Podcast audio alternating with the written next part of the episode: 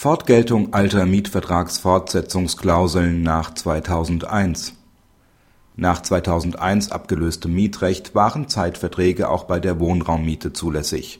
Sie können bis heute infolge Fortsetzungsklausel verlängert werden.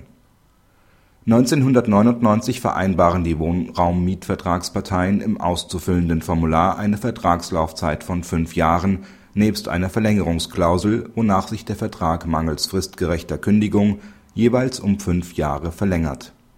Die Mieter kündigen das Mietverhältnis im Januar 2008 zum Ende April 2008. Da die Wohnung erst ab Oktober 2008 wieder vermietet werden kann, verlangt der Kläger seinen Mietausfall ersetzt. Dieser Anspruch steht ihm nach Ansicht des BGH zu. Die Kündigung der beklagten Mieter mit einer Frist von drei Monaten ist nicht zulässig. Das Vertragsverhältnis dauert wegen der bestehenden Befristungsvereinbarung mit Verlängerungsklausel noch an der Vertrag besteht seit 1999. Zu diesem Zeitpunkt konnte er als befristeter Mietvertrag mit Verlängerungsklausel abgeschlossen werden. Nach Artikel 229 § 3 EG BGB gilt diese Abrede auch noch für die Zeit nach Inkrafttreten der Mietrechtsreform 2001, wobei unbeachtlich ist, dass der Verlängerungsfall erst danach eintritt in der Vereinbarung einer solchen Klausel liegt nach zutreffender Ansicht zum alten Recht keine unangemessene Benachteiligung des Mieters.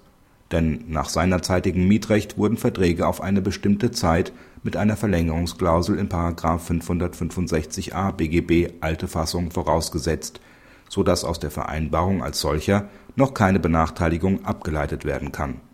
Auch die mit der Klausel einhergehende beiderseitige Einschränkung des Kündigungsrechts benachteiligt den Mieter nicht Insoweit können die zum neuen Mietrecht geltenden Maßstäbe, die nur zu einer kürzeren Bindung der Parteien über einen Kündigungsrechtsverzicht führen, nicht als Maßstab herangezogen werden. Letztlich ist zu berücksichtigen, dass nach alter Rechtslage ein einfacher Zeitmietvertrag sogar unbegrenzt wirksam ist.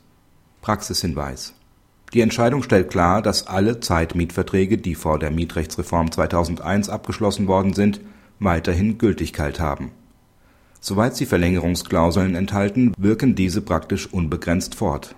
Solange die Parteien das Mietverhältnis daher nicht abändern oder auflösen, werden sie beide mit langen Vertragslaufzeiten zurechtkommen müssen. Trotz der anderweitigen Intentionen zur Mietrechtsreform lassen sich deren Grundgedanken zum Mobilitätsvorteil des Mieters nicht auf die alte Rechtslage übertragen